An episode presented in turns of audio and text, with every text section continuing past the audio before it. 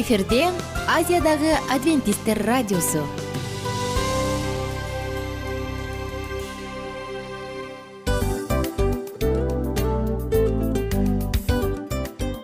Достор салют.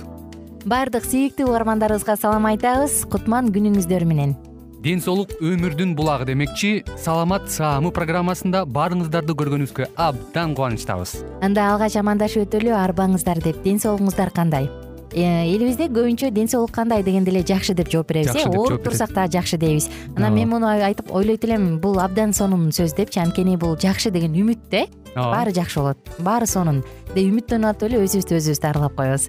Анысы кандай сиздин дагы ден соолугуңуз жакшы беш деген үмүттөбүз чындыгында ден соолук бул өмүрдүн булагы деп бекеринен айтылган эмес деп ойлойм. Кыргыз элинде анткени эгерде ден соолук жок болсо анда адамдын жашоосунда калган баардык керектүү маңыздуу нерселер өзүнүн баалуулугун жоготуп коет. Ошондуктан ден соолук бул эң керектүү нерсе. Ооба туура айтасың кесиптешим чынында ден соолугуң жок бир эки үч күн ооруп калсаң эле кандай болуп калат? Жашоодо көз каранды болуп каласың көп нерсеге жетишпей каласың көп нерсени кыла албай каласың жада калса эшикке дүкөнгө да чыга албай каласың. Туптуура анан ден соолук болсо демек биз биздин бактыбыз тотой деп койсок болот.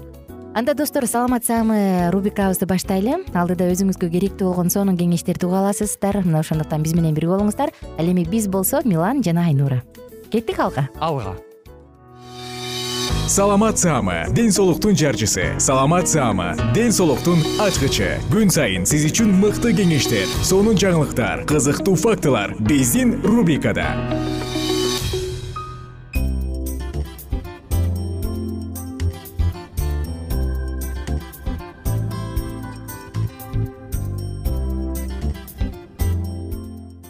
достор баардык угармандарыбызга ысык салам айтабыз. Сиздер менен бирге саламат саама радио баракчасындабыз. Кайрадан жана биз өзүн сүйгөн ден соолугун барктаган баалаган адамдардын угармандарыбыздын баардыгын дал ушул рубрикабызга чакырабыз. Анткени сиздер менен бүгүн алдыдагы дарыгерлер менен болгон маекти керектүү гана эмес маанилүү жакындарыбызга өзүбүзгө жардам берчү балдарыбызды саламаттыкта чоңойто алчу сонун маалыматтар менен бирге маалымдар болобуз мына ошондуктан угармандар баарыңыздарды биз менен бирге болууга чакырмакчымын. Анткени бүгүн чындыгында алдыдагы дарыгерлер менен болгон маекте өзүңүзгө керектүү сонун маалыматтарды ала аласыздар.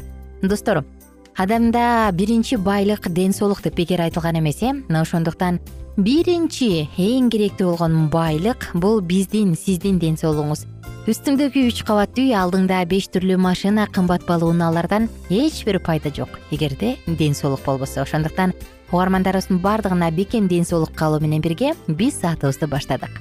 Алдыдагы маалыматтар сиздер үчүн. Достор эгер суроолор болсо сөзсүз түрдө саламат клуб сайтынын ютуб каналына кирип ал жакка комментарий калтырып суроо жөнөтсөңүз болот. Биз сиздин суроңузду жоопсуз калтырбайбыз жагымдуу мүнөттөрдү бирге тосолу эгерде бала мисалы ушул эле кыргызстанда болгон э өкүнүчтүү окуяны ала турган болсок эми алар өмүр бою вичти алып жүрүүчүлөр болуп калды. Өмүр бою дарыда отурчу адамдар да э ооба баардык эле балдар эмес чоң кишилер деле вич инфекциясын алып жүргөндөр өмүр бою дарыны ичишет эми чоң адамдар болгондо дагы мындай кокустуктан жугузуп алат кээ бирөө жанагындай башаламадык жыныстык катнашка барат эми кандайдыр бир макул ии деп актаса болот да.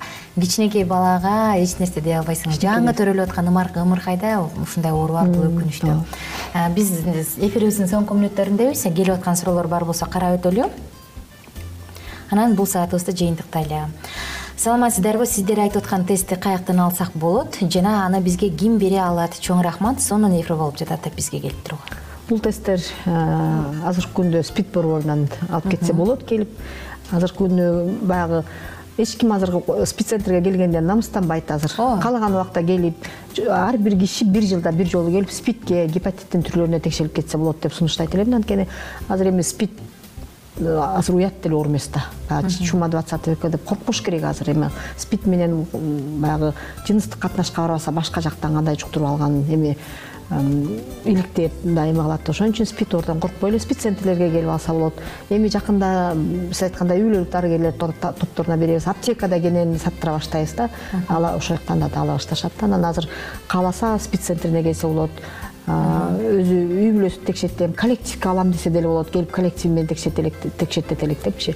Азыр көптөрү алып атпайбы ушул анонимдүүлүк боюнча да сурагым келип турат. Сиздерге кайрылган адамдардын бейтаптардын канчалык деңгээлде анонимдүүлүгү сакталат? Анонимдүүлүгү сто процент сакталат. Мисалы аты жөнүн айткысы келбеген кишилер паспортун биз барганда обязательно паспортун сурайбыз да. Паспорту жок келген кишилер баягы лабораторный номер колуна берилет анан телефон номер берилет телефон аркылуу звонить этип результатын билип алса болот. Бизде ал э, аябай строго конфиденциально деп коебуз эч кимдин результатын эч кимге билбейбиз айтпайбыз дагы.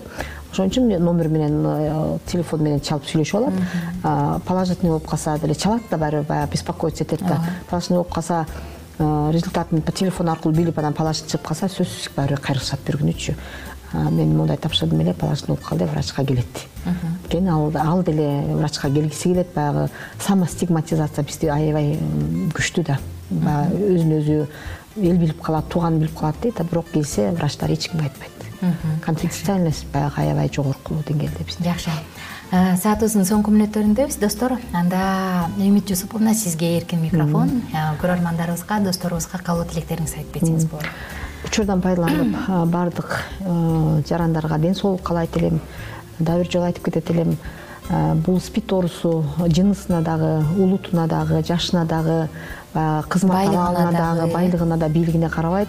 Ошон үчүн спид оорусунун алдында баарыбыз бирдейбиз баарыбыз теңбиз ошон үчүн жаштарды айрыкча айтып кетет элем баягы туш келди жыныстык катнашка барса дагы презерватив пайдаланса деп айтат элем. Презерватив бирден бир гана каражат спид оорусунан сактай турган. Башка эми оорулардан деле боюнда бар убакта боюнда бардан деле сактай турган бир бир гана каражат. Ошон үчүн үгүттөйт элем ар бир киши өзүнүн ден соолугуна жоопкерчиликтүү мамиле кылып ушул оордон алыс болсо деп сунуштайт элем. Чоң рахмат.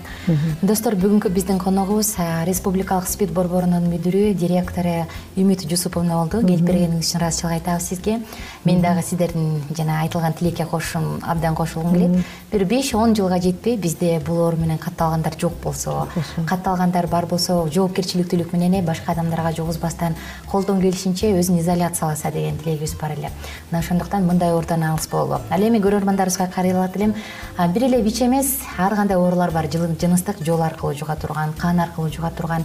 Анан эгерде мырза угуп жатса көрүп жатса эгер сиздин тукумуңузда оорулуу балдардын болушун каалабасаңыз анда өзүңүздүн келинчегиңизге ишенимдүү болуңуз.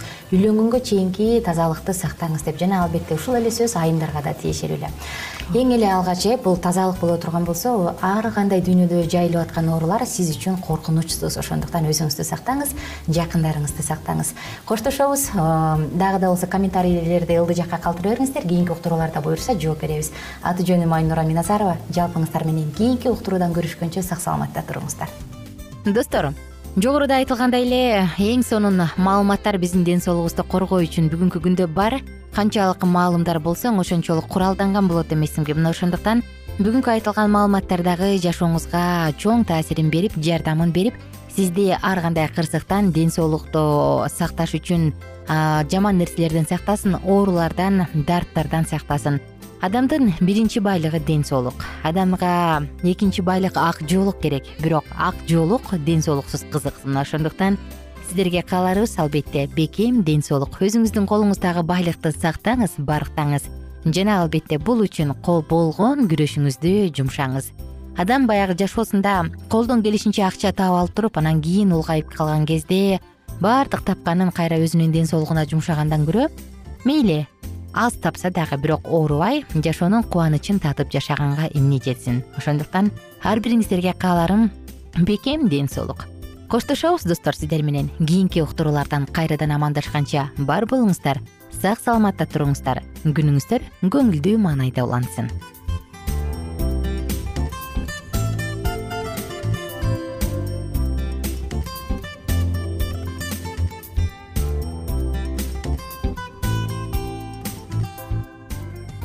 кененирээк маалыматтар үчүн үч w чекит саламат чекит клуб сайтына келип таанышыңыздар.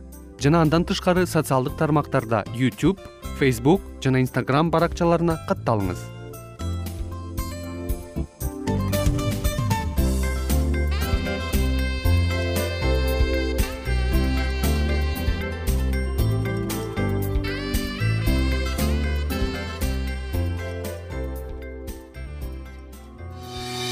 саламат саама ден соолуктун жарчысы. Саламат саама ден соолуктун ачкычы. Күн сайын сиз үчүн мыкты кеңештер сонун жаңылыктар кызыктуу фактылар биздин рубрикада.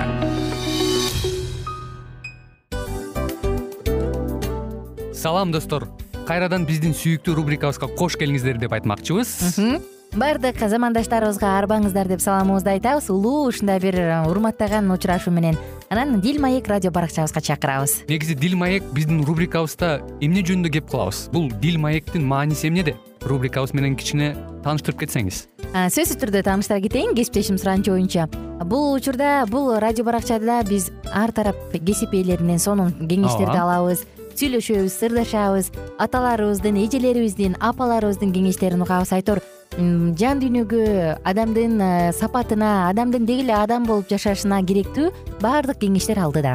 Негизи э, дил маек дегенде баягы эки адамдын ортосундагы сырдашуу кенен сүйлөшүү. Негизи эле биз адамдар бири бирибиз менен бир жерге жай жерге отуруп алып өзүнчө тынч э, жашоо жөнүндө өмүрүбүздө эмне болуп атканын бөлүшкөнү жакшы көрөбүз э адамдар. Ооба туура айтасың анан мындай учурга кээде убакыт да жетпей келет э. Же болбосо сырыңды кайгыңды муңуңду кубанычыңды айткың келет адамга ишенбешиң мүмкүн. Ооба. А бул радио баракча угармандарыбыздын чыныгы досу. Анткени бизден алган кеңеш сиздин жашооңузга чоң жардам берет. Ал эми сиздин бизге айта турган сөзүңүз ортодо гана сыр бойдон калат. Ошондуктан биздин дил маек рубрикабызга дагы бир жолу кош келиңиздер. Жана биз даярдаган маалыматтарга даяр болуңуздар. Айнура жана милан сиздер менен бирге алдыга кеттик ар түрдүү ардактуу кесип ээлеринен алтын сөздөр жүрөк ачышкан сыр чачышкан сонун маек. Дил маек рубрикасында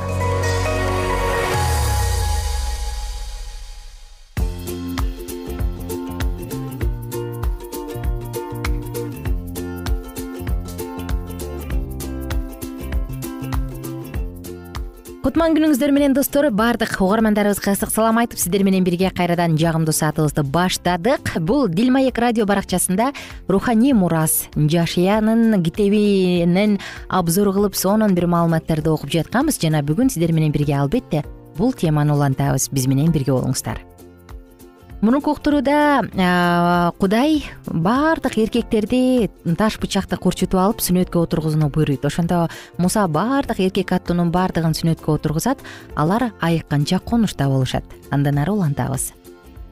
Ошондо жараткан эге жашыяга мисирде силерге басылган кулчулуктун эң тамгасын мен өчүрүп салдым деди. Ошондуктан ал жер ушул күнгө чейин гелгал деп аталып калган гелгалга коңуш курган ысрайыл эли ушул айдын он төртүнчү күнү кечинде ерихондун жанындагы түздүктө түлөө майрамын өткөрдү.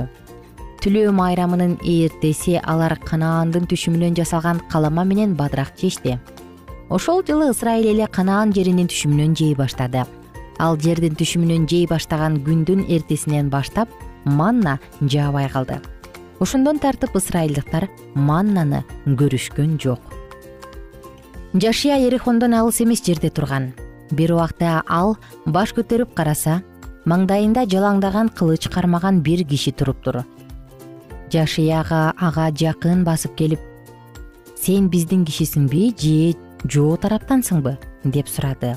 Ал жок мен жараткан эгенин асман аскерлеринин башчысымын мен сага келдим деп жооп берди. Жашия чөк түшө калды да жерге баш уруп таазим этип андан мырзам кулуңузга кандай буйругуңуз бар? деп сурады жараткан эгенин асман аскерлеринин башчысы жашияга бут кийимиңди чеч сен турган жер ыйык деди. Жашия так ошондой кылды. Ошол күндөрү ысрайыл элинен корккондуктан ерихондун дарбазалары бекем жабылды. Шаардан эч ким чыкпай да ага эч ким кирбей да калды. Жараткан эге жашияга мындай деди билип кой. Мен ерихонду анын падышасын согушка жарактуу кишилер менен сенин колуңа салып бердим.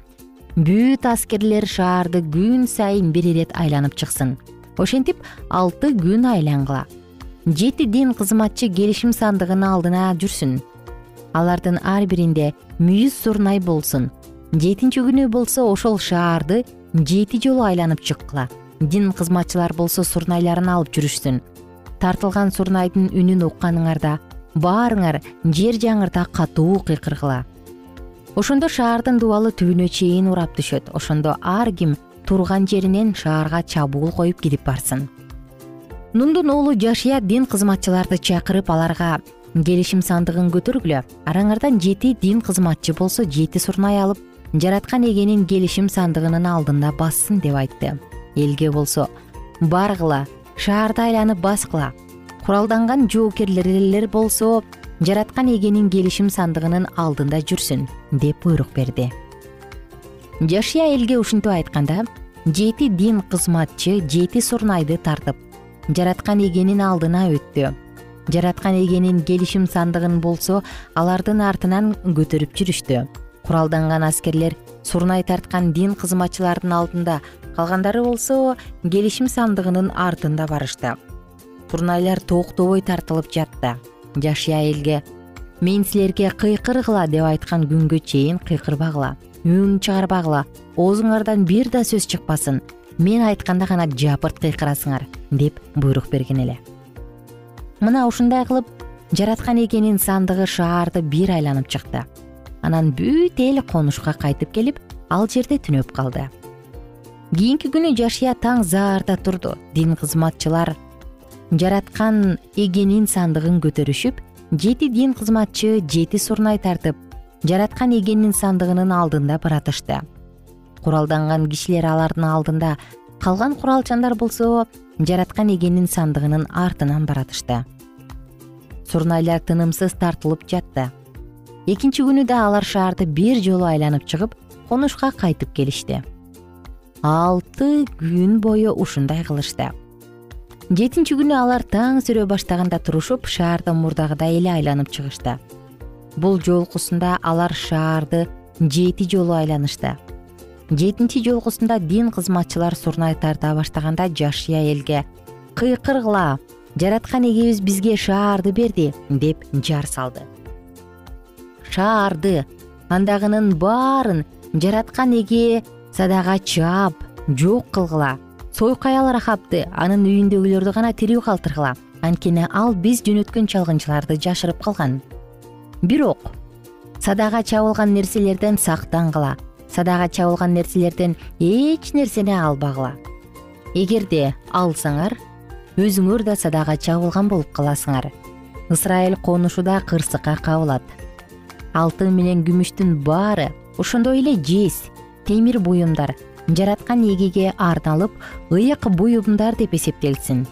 Алар жараткан эгебиздин казынасына киргизилсин. Ошентип сурнайлар тартыла баштады. Эл сурнайлардын үнүн укканда аба жара кыйкырып жиберди.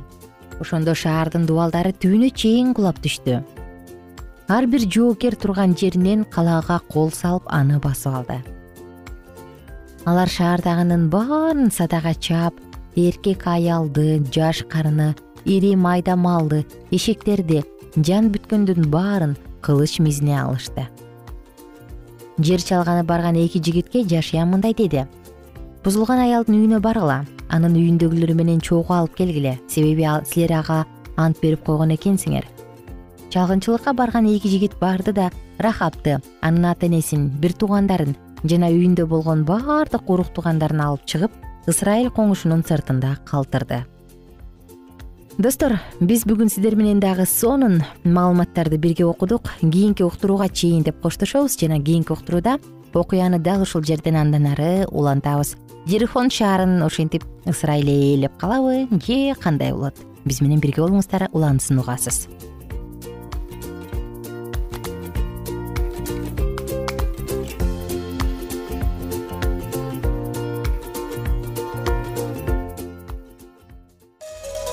ар түрдүү ардактуу кесип ээлеринен алтын сөздөр жүрөк ачышкан сыр чачышкан сонун маек дил маек рубрикасында.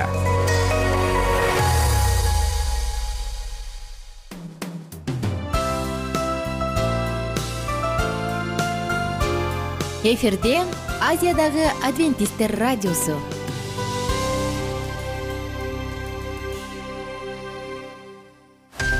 жан дүйнөңдү байыткан жүрөгүңдү азыктанткан жашооңо маңыз тартуулаган жан азык рубрикасы.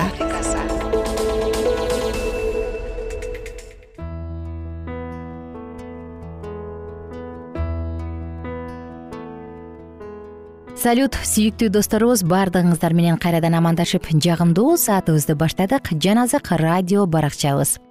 Сиздер менен бирге биз бул уктурууда эң сонун чындык. Тагыраак айтканда он жетинчи чыгарылышыбыз күкүрттүү көл деген теманын тегерегинде сөз кылып атканбыз. Тозок барбы бар болсо ал каякта? Ал жакта учурда адамдар күйүп жатабы? Тозок деген эмнени билдирет? Түбөлүк от деген эмнени билдирет? Ал жакка барган күнөөкөрлөр триллиондогон жылдар бою күйүп турушабы? Же андай эмеспи? Бул тууралуу биз мурунку уктурууларыбызда эң сонун чындыктарды ачканбыз бүгүн достор сиздер менен бирге ушул окуяны ушул теманы улантып жана жыйынтыктайбыз. Биз менен бирге болуңуздар. Кээде адамдар бай менен лазар жөнүндө өлгүн асаат аңгемеге карата суроо беришет. Бай өлгөндөн кийин кыйноодо тозокто болгон деп ыйса өзү айткан. Эгер ыйса минтип айтса демек биз ал суроолорго олуттуу карайбыз. Туурабы? Бул ыйса адамдарды кудайга да мамонго да кызмат кыла албайсыңар деп окутуп жаткандагы бешинчи окуя болчу. Лука он алты он үч лука он алты он тогуз жыйырма жетинчи аяттарда ыйса жашоосунан ырахаттанган укмуштуу тойлогон бай жана байдын үстөлүнөн бир аз болсо да күкүм алганга үмүттөнгөн жарды лазар жөнүндө үлгүдан саат аңгемеге айтып берген. Экөө тең өлөт. Лазар атасы ыбрайым менен жолугушууга кетет. Ал эми бай болсо кыйноого кетет да ыбрайымдан лазарды жөнөтүшүн өтүнөт. Лазар анын тилин суулап коюшун суранат. Эми бул үлгүн асаат аңгемени кандай чечмелейбиз ошого келип такалат. Эгер биз аңгеменин бүт деталын жазылгандай талкууласак анда мындай чечим чыгарышыбыз керек. Ыбрайымдын кучагы абдан чоң болушу керек.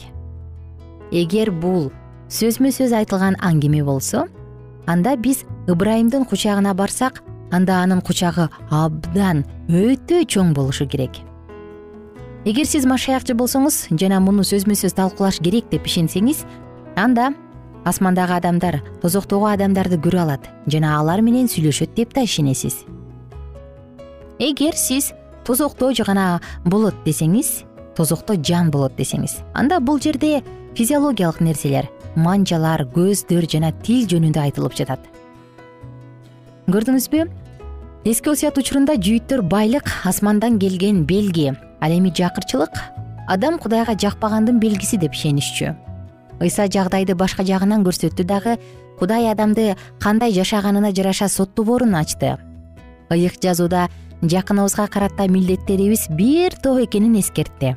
Бул үлгү насаат аңгеме ыйсанын окутуусу анын угуучуларынын арасындагы фарисейлер үчүн түшүнүктүү жана белгилүү болуш үчүн жардам берди. Ыйык жазууда адилетсиздер мурун болбогондой жок болуп кетишет деп ачык айтылат. Күнөө талкалайт. Ал биздин жашообузду бул жерден жерди эле талкалайт. Анан түбөлүктүүлүктү да талкаламак. Бирок ал жакта күнөө болбойт. Ыйса бизге ашып ташыган өмүр сунуштайт матай он үч элүү жалындап күйүп турган отко ыргытышат ал жерде ый жана тиш кычыратуу болот. Ашып ташаган өмүргө ээ боло алчулардын бирок өлүмдү тандап алгандардын өкүнүчтүү абалы ушундай символикалык түрдө сүрөттөлөт ар бир адамды куткаруу үчүн ыйса баардык керектүү нерселерди жасады. Биз барбашыбыз үчүн ыйса тозоктун отуна түшүп аны да көрдү баягы голгофадагы түнү түтүн да от да болгон эмес бирок ыйса ар бир күнөөкөр сезген жан дүйнөнүн агониясын баштан өткөрдү. Ыйса адамзаттын күнөөсүн мойнуна алып жатып айкаш жыгачта мындай деген мени эмнеге калтырдың? Айкаш жыгачта ыйса акыркы сот учурунда ар бир кудайдан бөлүнгөн жан сезген оору кайгы агония соттоо ый жана тиш кычыратууну сезди жезекел он сегизинчи бап жыйырма үчүнчү аятта мындай дейт мен мыйзамсыздардын өлүмүн каалабайм дейт кудай теңир. Тескерисинче анын өз жолунан бурулуп тирүү калышын каалайм кудай адамдын өмүрүн каалайбы? Өлүмүн кандай сонун суроо? Ал бүт ааламдан мага күнөөкөрдүн өлүшүн көрүү жагымдуубу? деп сурап жатат. Анан ал мындай дейт. Анын өз жолунан бурулуп тирүү калышын каалайм ал жаңы жер жаңы асманды жаратат. Ал жакта күнөө болбойт. Адилетсиздик жамандык жана өлүм жок болот. Кудай мага жана сизге карата кадам таштап жатканы үчүн ага ыраазычылык билдириңиз. Бир да эркек бир да аял бир да бала бир да кыз өлүп калбаш үчүн ал бизге түбөлүк өмүр сунуштап жатат. Бул үчүн ыраазычылык билдириңиз. Биз тозоктун жалмап жок кылганынан кыйналбайбыз баардыгы башкача болот эле да деп жан дүйнөбүздө кыйналабыз. Бизди качан от жалмап жок кылып качан гүлгө айланабыз деп жашообуздун трагедиялуу аякташын күтпөйбүз. Биз ыйса менен түбөлүктүүлүктү күтө алабыз. Буга кубанып майрамдай алабыз. Түбөлүк шаттыкта жашай алабыз. Бүгүн чын жүрөгүңүздөн кудайга ыраазычылык билдириңиз. Теңир сага чындык үчүн рахмат айтам мындан кийин күнөө болбойт. Ал жок кылынат деген чындык үчүн рахмат. Кудайдын планы боюнча аалам күнөөдөн тазаланары үчүн рахмат. Күнөөкөрлөрдүн өлүшү сага жагымсыз экени үчүн рахмат. Сен бизге өмүр сунуштайсың. Ашып ташыган өмүрдөн ырахат алышыбызды каалайсың. Сыйынууга келип таазим кылып теңир күнөө түп тамырынан бери жок кылынары үчүн рахмат деп айткыңыз келеби? Жүзүңүздү асманга буруп теңир мына мен. Мен түбөлүктүүлүктө сени менен болгум келет деп айткыңыз келеби анда сыйыналы кымбаттуу досум биз ушуну менен күкүрттүү көл деп аталган темабыздын соңуна чыктык. Мен ойлойм бул темада дагы сизге эң чоң баалуу чындыктар ачылды деп. Кудай сизди түбөлүктүү сүйүү менен сүйөт. Ал азыр дагы сиздин ага келишиңизди каалайт эң маанилүүсү каякта болом эмес ким менен жана кандай абалда болом? Мына бул маанилүү. Шайтан менен болбоңуз. Бир гана кудай менен болуңуз. Анткени ал сизди сүйөт жана өлүшүңүздү каалабайт. Ар бир угарманыбызды жаратканыбыз жалгасын жалпыңыздар менен кийинки уктуруудан кайрадан амандашканча бар болуңуздар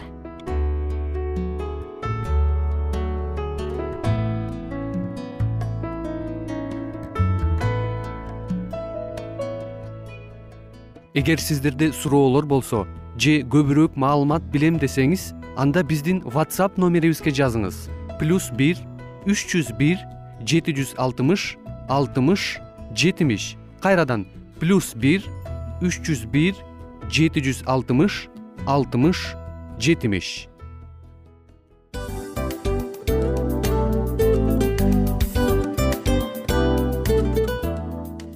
мына ушинтип убакыт дагы тез өтүп кетет экен. Биз дагы радио уктуруубуздун аягына келип жеттик. Келип кубандырдыңар эми кетип кубандыргыла деп тамашалап калышат эмеспи? Анысы кандай? Радио баракчабызды программабызды азыр эле баштап аткандай болдук элек. Мына соңуна келдик э? Негизи убакыт э, билинбей өтүп кетет экен. Мен дагы э, убакыт дегенде бүгүн бир адам менен сүйлөшүп калдым. Анан убакыт бул мүмкүнчүлүк деп айтып өзүмө өзүм айтып алып анан мага өзүмө эле кайра ачылыш болду да чын эле Э, карап отурсаң ошол эле жыйырма төрт саат ошол эле жарым саат кайталанып атат. Бирок сендеги мүмкүнчүлүк жок ошол кой берилип кетти? Анысы кандай? Бүгүнкү сонун убактыңызды алтындай болгон жарым саатыңызды бизге бөлүп арнаганыңыз үчүн ыраазычылык айтабыз. Анан жашооңуздун кайсы бир сферасын өзгөртө турган сонун пайдалуу кеңеш алган болсоңуз анда биз максатыбызга жеттик. Анан ушул нерсени кылбасам десеңиз ошол өзгөрүүлөрдү кичинекей кадамдардан баштап иш жүзүнө ашырыңыз дагы жашооңузда чоң чоң ийгиликтерге жетиңиздер чын жүрөктөн ар бир берилген кеңештер сөздөр сиздерге пайдасын алып келет деп ишенебиз. Жана кийинки уктурууларда сөзсүз түрдө чыдамсыздык менен сиздерди күтөбүз. Сагынычтуу салам айтып кайрадан дал ушул жыштыктан баардыгыңыздарды тосуп алганча кызматта мен айнура жана кесиптешим милан. Анда кол булгалайбыз жалпыңыздарга ийгиликтүү күн. Саламатта калыңыздар